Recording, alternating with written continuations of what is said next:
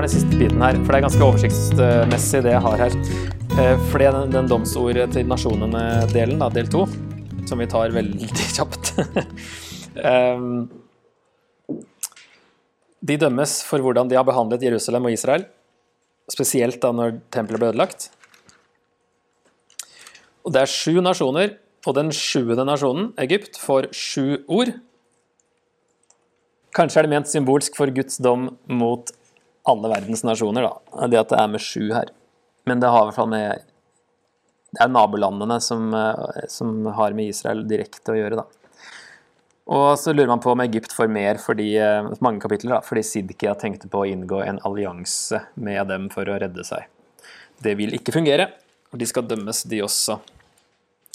Så for å friske opp hvor disse nasjonene er, så har vi eh, Edom, Moab og Ammon da, på høyre sørøst her. Også Filistia på vest. Står vel ikke på kartet, men det er den grønne biten her med Ashtod, Ashkelon og Gaza. Så de får eh, i første vers 20, eh, kapittel 25, og så er Tyros oppe på kysten nord for eh, Israel. De får mange kapitler. Sidon får bitte litt, den neste byen. Og så er det Egypt da, som får eh, de siste. Det vi kan få litt sånn snusen i, i Jeremia, Jeremia 27, så står det noe om eh, Det virker som at Sidikia drev og inngikk en allianse med Ammon, Moab, Edom, Tyros og Sidon. Altså disse, de fleste av de her eh, som får et domstol her, da. Kanskje rundt 595. En sånn Nato-avtaleaktig, ikke sant? At et angrep på et av landene er et angrep på alle. Så eh, for å sikre seg det mot eh, babylonerne, og det er jo det Jeremia går imot og sier at det er ikke noe vits å snu seg mot Egypt eller prøve på noen ting, fordi Babylon er De kommer til å ta dere uansett, fordi Gud står bak. Så da Jerusalem ble angrepet, så ble de ikke hjulpet da, av disse andre landene. Og de andre nasjonene gledet seg over at de selv slapp unna, og noen utnyttet det også til egen fordel, spesielt Edom. Så først er det Ammon, og da har jeg bare tatt sånn herre um, synd, dom eh, Ja, egentlig har jeg ikke med noe gjenopprettelse. Jeg har bare synd, dom og oppfylt. Eh, synden til Ammon var at det var skadefryd da tempelet ble ødelagt, og da Juda gikk i eksil. Dommen er at folkene i øst skal ta dem, og Rabba, hovedstaden, da, skal ødelegges. Rabba er akkurat utafor det blå, ser dere på kartet, er det ikke det? Mm. Og det skjedde da Babylon tok dem da i 582. Det er bare noen år etter at eh, 586 skjer. Så det tok ikke lang tid der, da. Så nå går han altså fra Ammon, og så går han vel eh, ned til eh, Moab, og så til Edom, og så går nedover på østsida, og så til filisterne rundt på vestsida der. Så er det Moab da i de neste versene. Synden der er at de ikke hadde innsett at Juda var noe spesielt. kan det høres ut som. Judas hus er som alle andre folkeslag, står det i vers 8. Det ligger jo en del i det, da, men det er liksom det som sies her. Dommen er det samme. Folkene i øst skal ta dem. Og oppfylt samme året, i 582. Og det står jo i vers 10 også at eh, jeg lar folkene fra øst ha landet i eie, slik jeg gjorde med ammonittene. Så det kobles det jo sammen der òg. Så er det Edom, vers 12-14. Der er synden at de hevnet seg på Juda. Edom har hevnet seg på Judas hus og ført stor skyld over seg med sin hevn. Så de har vært litt mer ikke bare sett med skadefryd, men hevna seg. Brukt det litt til egen eh, fordel. Dommen over Edom er at det skal legges øde og falle for sverd. Så står det at jeg hevner meg på Edom ved mitt folk Israel. Og det klarte jeg ikke helt å finne ut eh, hva det i så fall skulle bety. Hva Israel liksom har gjort eh, for å hevne seg på Edom igjen. Så det er litt uklart, syns jeg. Ehm, men det ser ut til at det ble oppfylt eh, da Babylon tok Edom litt senere. Da. 552 var et årstall jeg fant på det. Så her skjer det bare de faller, én etter én. Og så går vi rundt eh, til vestkysten der, til Filistia, vers 15-17, siste delen av eh, kapittel 25. De hevnet seg med forakt, står det, og herjet for gammelt fiendskaps skyld. Så det er liksom bare Gammelt fiendskap. Det var liksom bare en greie de skulle gjøre. Herje og hevne seg. De skal utslettes, er dommen. Og de ble også tatt av babylonerne i hvert fall innen 562. Det er noen av de her datoene som, eller årstallene som er litt vanskelig å, å vite helt. Men eh, 562 var vel da Nebukadnesar døde, så før det så hadde han visst tatt Filistia. Så det var en rask runde rundt der. Ligner litt på Amos eh, 1, der eh, alle får seg en smekk før eh, budskapet starter for alvor. Ok, eh, kikker på Tyrus, da. De får jo hele tre kapitler. Eller det er jo den byen, bare. Oppe der. Nest eh, øverst. Dagens Libanon. Så 26, 27, 28 handler om Tyrus, og, eller Tyros, som det nå står, og kongen, eller fyrsten, av Tyros da i kapittel 28. Eh, så i kapittel 26 så er det Tyrus som dømmes for skadefryd, de også. Tyros har sagt om Jerusalem, ha-ha, knust er hun, hun som var en port for folkene, nå er hun vendt mot meg. Jeg gjør meg rik, hun er lagt øde.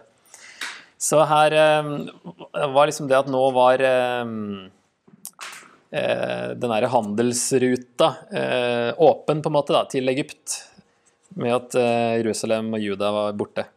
Så de bare tenker at dette er bra for oss, jeg gjør meg rik. Eh, og ble, altså Dommen her ble oppfylt da Nebukadnesar ødela fastlandsdelen av byen, for det var jo både en øy og en fastlandsdel, i 573, og det står det i vers 7-9. Fra nord sender jeg Nebukadnesar mot Tyros, Babels konge, kongers konge med hester, vogner og ryttere, en hær av folk. Eh, døtrene dine ute på marken skal han drepe med sverd. Han skal bygge skanser, kaste opp en vold og reise en mur av skjold mot deg. Så støter han rambukken mot murene dine, med våpen bryter han tårnene ned. Så her står det også at eh, i vers 3 jeg lar mange folkeslag slå innover deg, slik havet lar bølgene slå. For det her var bare første, første runde, og så kommer, jo, kommer jo grekerne senere og flere angrep, da. Så den holdt jo stand en stund til, i hvert fall den øydelen. Men det er mye her i dette kapitlet som faktisk er eh, eh veldig interessant å sjekke historien, hva som faktisk skjedde, da, og hvordan det virker ganske konkret beskrevet. F.eks. at det står at uh,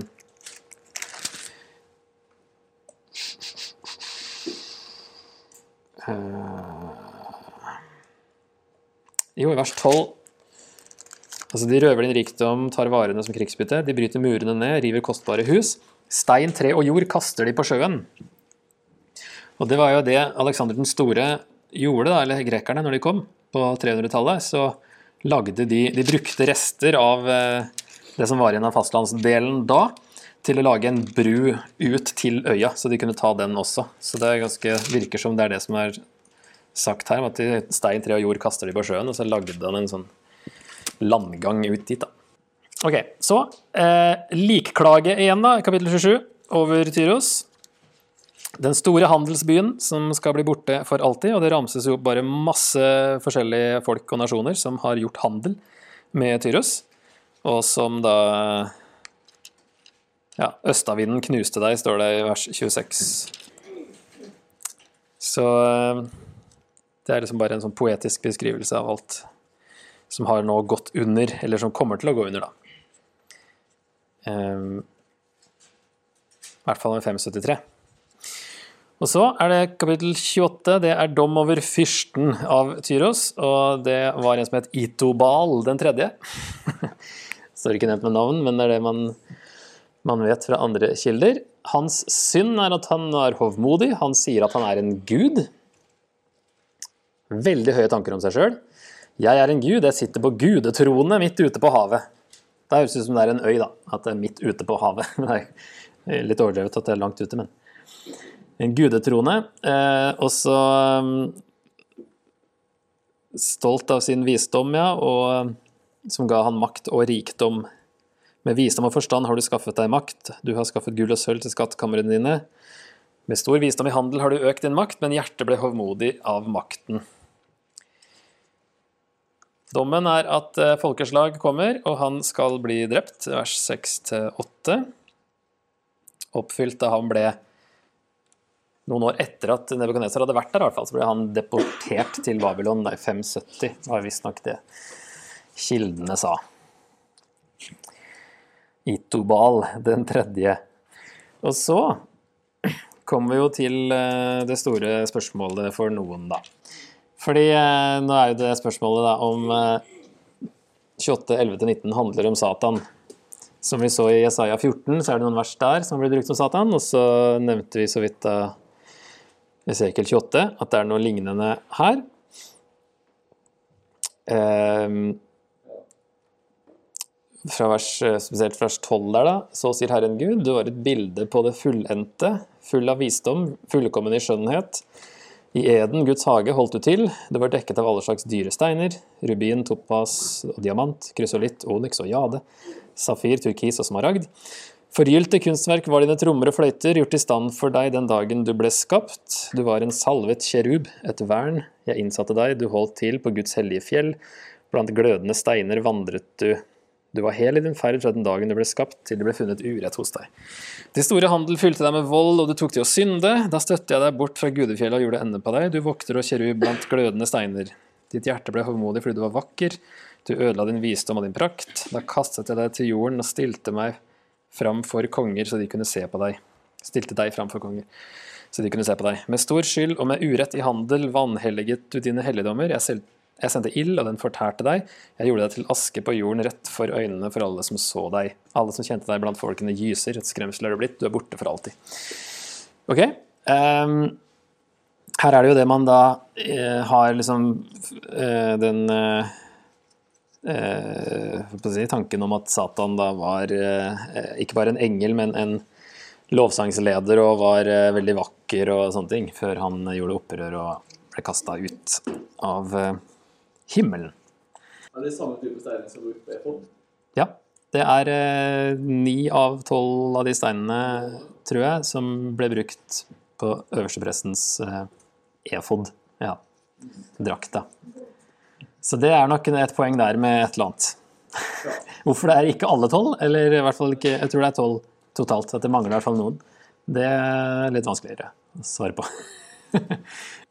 Skal vi se. Noen ting da, som jeg la merke til, er et vers 12, hvert fall, når det står det var et bilde på det fullendte, fylt av visdom, fullkommen i skjønnhet. Det er jo akkurat det Tyros sjøl har sagt i 773. Jeg er fullkommen i min skjønnhet. Så det henger jo klart sammen med Tyros der, i hvert fall, og at kongen og byen liksom har hatt samme holdning. Eden her, da, i vers 13, brukes som et bilde fire ganger i kapittel 31. Der er det jo veldig mye eden til Egypt. Så det brukes som et bilde flere steder. Eh, vers 16. Din store handel fylte deg med vold, og også 18. Med stor skyld og med urett i handel. Så Tyros var jo en handelsby. Det var jo det de var eh, definert som, håper jeg. Kjent som. At det var handel som var deres eh, greie. Så her er det jo veldig mye som eh, kan kobles på Tyrus, og som eh, konteksten nå sier jo ganske tydelig at det er kongen av Tyros. Så det her er en gammel kristen tolkning at det da skulle ha noe med Satan å gjøre, men ingen så dette før ca. 200 etter Kristus, og konteksten viser at det handler om kongens store, kontrastfylte fall, først og fremst. Og så er det da det brukes noen bilder fra Eden. Noen ser eh, Adam og Eva ble kasta ut. Eh, de var ikke kjeruber. Men eh, at det er bilder som brukes, da. At det brukes på en måte noen bilder fra første Mosebok tre. Um, eller hvis det er Satan, så er det jo enda før første Mosebok. Før første Mosebok én en gang. Um, så det er interessant å være klar over at det her var i hvert fall ingen jøder tolka det sånn. Det var noen kirkefedre som eh, så det ganske tidlig da, i kristen historie, og så har det holdt seg. Og så så vi jo litt på det med det her eh, Lukas 10, 18, er det vel, med 'jeg så Satan falle som et lyn'. Når skjer det i så fall? Eh, er det når Jesus sier det, eller ser han at det har skjedd for lenge, lenge, lenge siden? Før verden ble skapt, på en måte. Så jeg syns i hvert fall konteksten her eh, Det er i hvert fall ikke bare om Satan. Eh, og så er det spørsmålet om det brukes et eller annet med Satans fall som vi egentlig ikke vet så mye om. Om det brukes som et bilde her på hvordan kongen av Tyrus faller, da. Eller om det er at han ble kasta ut av eden sånn som Adam og Eva ble kasta ut av eden fordi de gjorde opprør, eller et eller annet. Hvorfor kaller han eh, fyrsten av Tyrus for en skyld? Mm. Innsatte deg, du holdt til på Guds hellige fjell.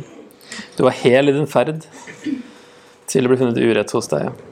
Nei, eh, det er jo det som kanskje har fått man til å tenke på at det her er noe mer enn eh, kongen av Tyrus. Eh, sånne uttrykk som det, da.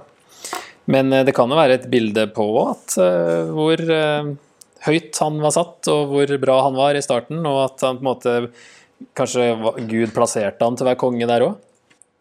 At ja, du var, du var nære Gud, da. Og du var bra, du var hel i din ferd. Og så eh, falt du, og så ble du grådig, og så du, trodde du sjøl var en gud, og så, og så videre. Men det, er- hele dette Satans opprør er jo liksom Det at han ville bli som Gud og, og sånne ting, er jo da henta mest herfra, tror jeg. Du er jeg, jeg jo, du er et menneske og ikke en gud, står det jo i vers eh, to. Så tydelig det er at det er et menneske, i hvert fall. Og det gjentas jo flere, flere steder i vers 9 òg. Men du er menneske og ikke Gud. Og det er også til fyrsten av Tyros, fra vers 1 allerede der. Så det er tydelig at han er et menneske, i hvert fall hvis du tar hele kapittelet. da. Og at det da er litterære virkemidler, poetiske bilder, som brukes. Det eneste vi vet om kirubene, er at det er paktkisten, at de er der, på lokket, og at de vokta Edens hage, den inngangen. Og at han var et vern, du var en salvet kjerub, et vern. Og blant glødende steiner vandret du, det er jo sikkert de her kullglødende steinene i, ved, i, si, rundt hjula eller beina til kjeruben, eller hvor den er. Det her eh, kullet som han, eh, en av de seks mennene henter og sånne ting. Så det er noe med Guds nærhet, i hvert fall Guds nærvær, at han var der og holdt seg til Gud, på en måte, inntil et eller annet. Ok, da har vi litt tid igjen til Egypt, 29 til 32. Da har jeg bare oppsummert alt det i, i eh, tre linjer. Gud kontrollerer Egypt også, og de skal fanges som en krokodille, eller som et eh, elvemonster. Hva nå han eh, mener med det. Et eh, store uhyre som ligger rolig i elvene. I vers 3 i kapittel 29. De svikter når man stoler på dem, står det. Um, og det har jo både Ja, han sier det, han her eh, asyrerkommandanten som kommer til Hiskia og sier at eh, er det Egypt du stoler på? Det er ikke noe vits. Det er ikke til å stole på, de svikter alle. Og det ser vi jo i Jeremia 37, at eh, de svikta Sidkia der når han prøvde å få til en løsning. De skal ligge øde i 40 år, og de ble tatt i 568. Kanskje Jeg fant ikke helt noe med de 40 årene, men det kan jo gi mening at en stund etter eh, at perserne tok Babylon, at de òg fikk komme tilbake. da. At det ble kanskje runda av til ca. 40 år. Nebukadnesar får Egypt som lønn for strevet mot Tyrus, står det i slutten av eh, kapittel 29. Kongen i Babel eh, har latt hæren sin streve hardt mot Tyros, vers eh, 18. Men verken han eller hæren har fått lønn av Tyros for alt strevet, for de klarte aldri å ta den derre øydelen. Derfor sier Herren Gud, se, nå gir jeg Egypt til Nebukadnesar, kongen i Babel. Det skal hæren hans ha i lønn. Jeg gir han Egypt som lønn for det strevet han hadde hatt for meg i landet. Han liksom brukes av Gud og jobba hardt for å ta Tyros. Fikk det ikke til. Han får Egypt som eh, plaster på såret. Og så er det at Egypt vil falle slik Asyria falt. Det er plutselig mye Asyria her. I eh, kapittel 31 spesielt. Se på Assur i vers 3. Så sammenlignes det da veldig mye Asyria, og så er det at Egypt skal gå under på samme måte. Så der tok jeg bare de tre veldig kjapt. Hvorfor disse domsordene? Tenker vi om det? Hvorfor sier Det er jo det er sikkert noen fra de nasjonene i Babylon, men det er jo ikke de det er beregna på. Det er jo beregna på israelittene. Så hvorfor det? at han bryr seg, eller at han har kontroll på alt i hele verden. Og det er ikke bare sånn at Mm. han bryr seg om kun Israel, og at det er de som skal straffes, men at han bryr seg om Mhm. alle folka rundt. Ja. Absolutt. Ja, så det, det er jo et universelt blikk. Og så tenker jeg også at eh, dom over fiendene er jo en oppmuntring til Israel. Og at eh, Gud handler på vegne av sitt folk og sin plan.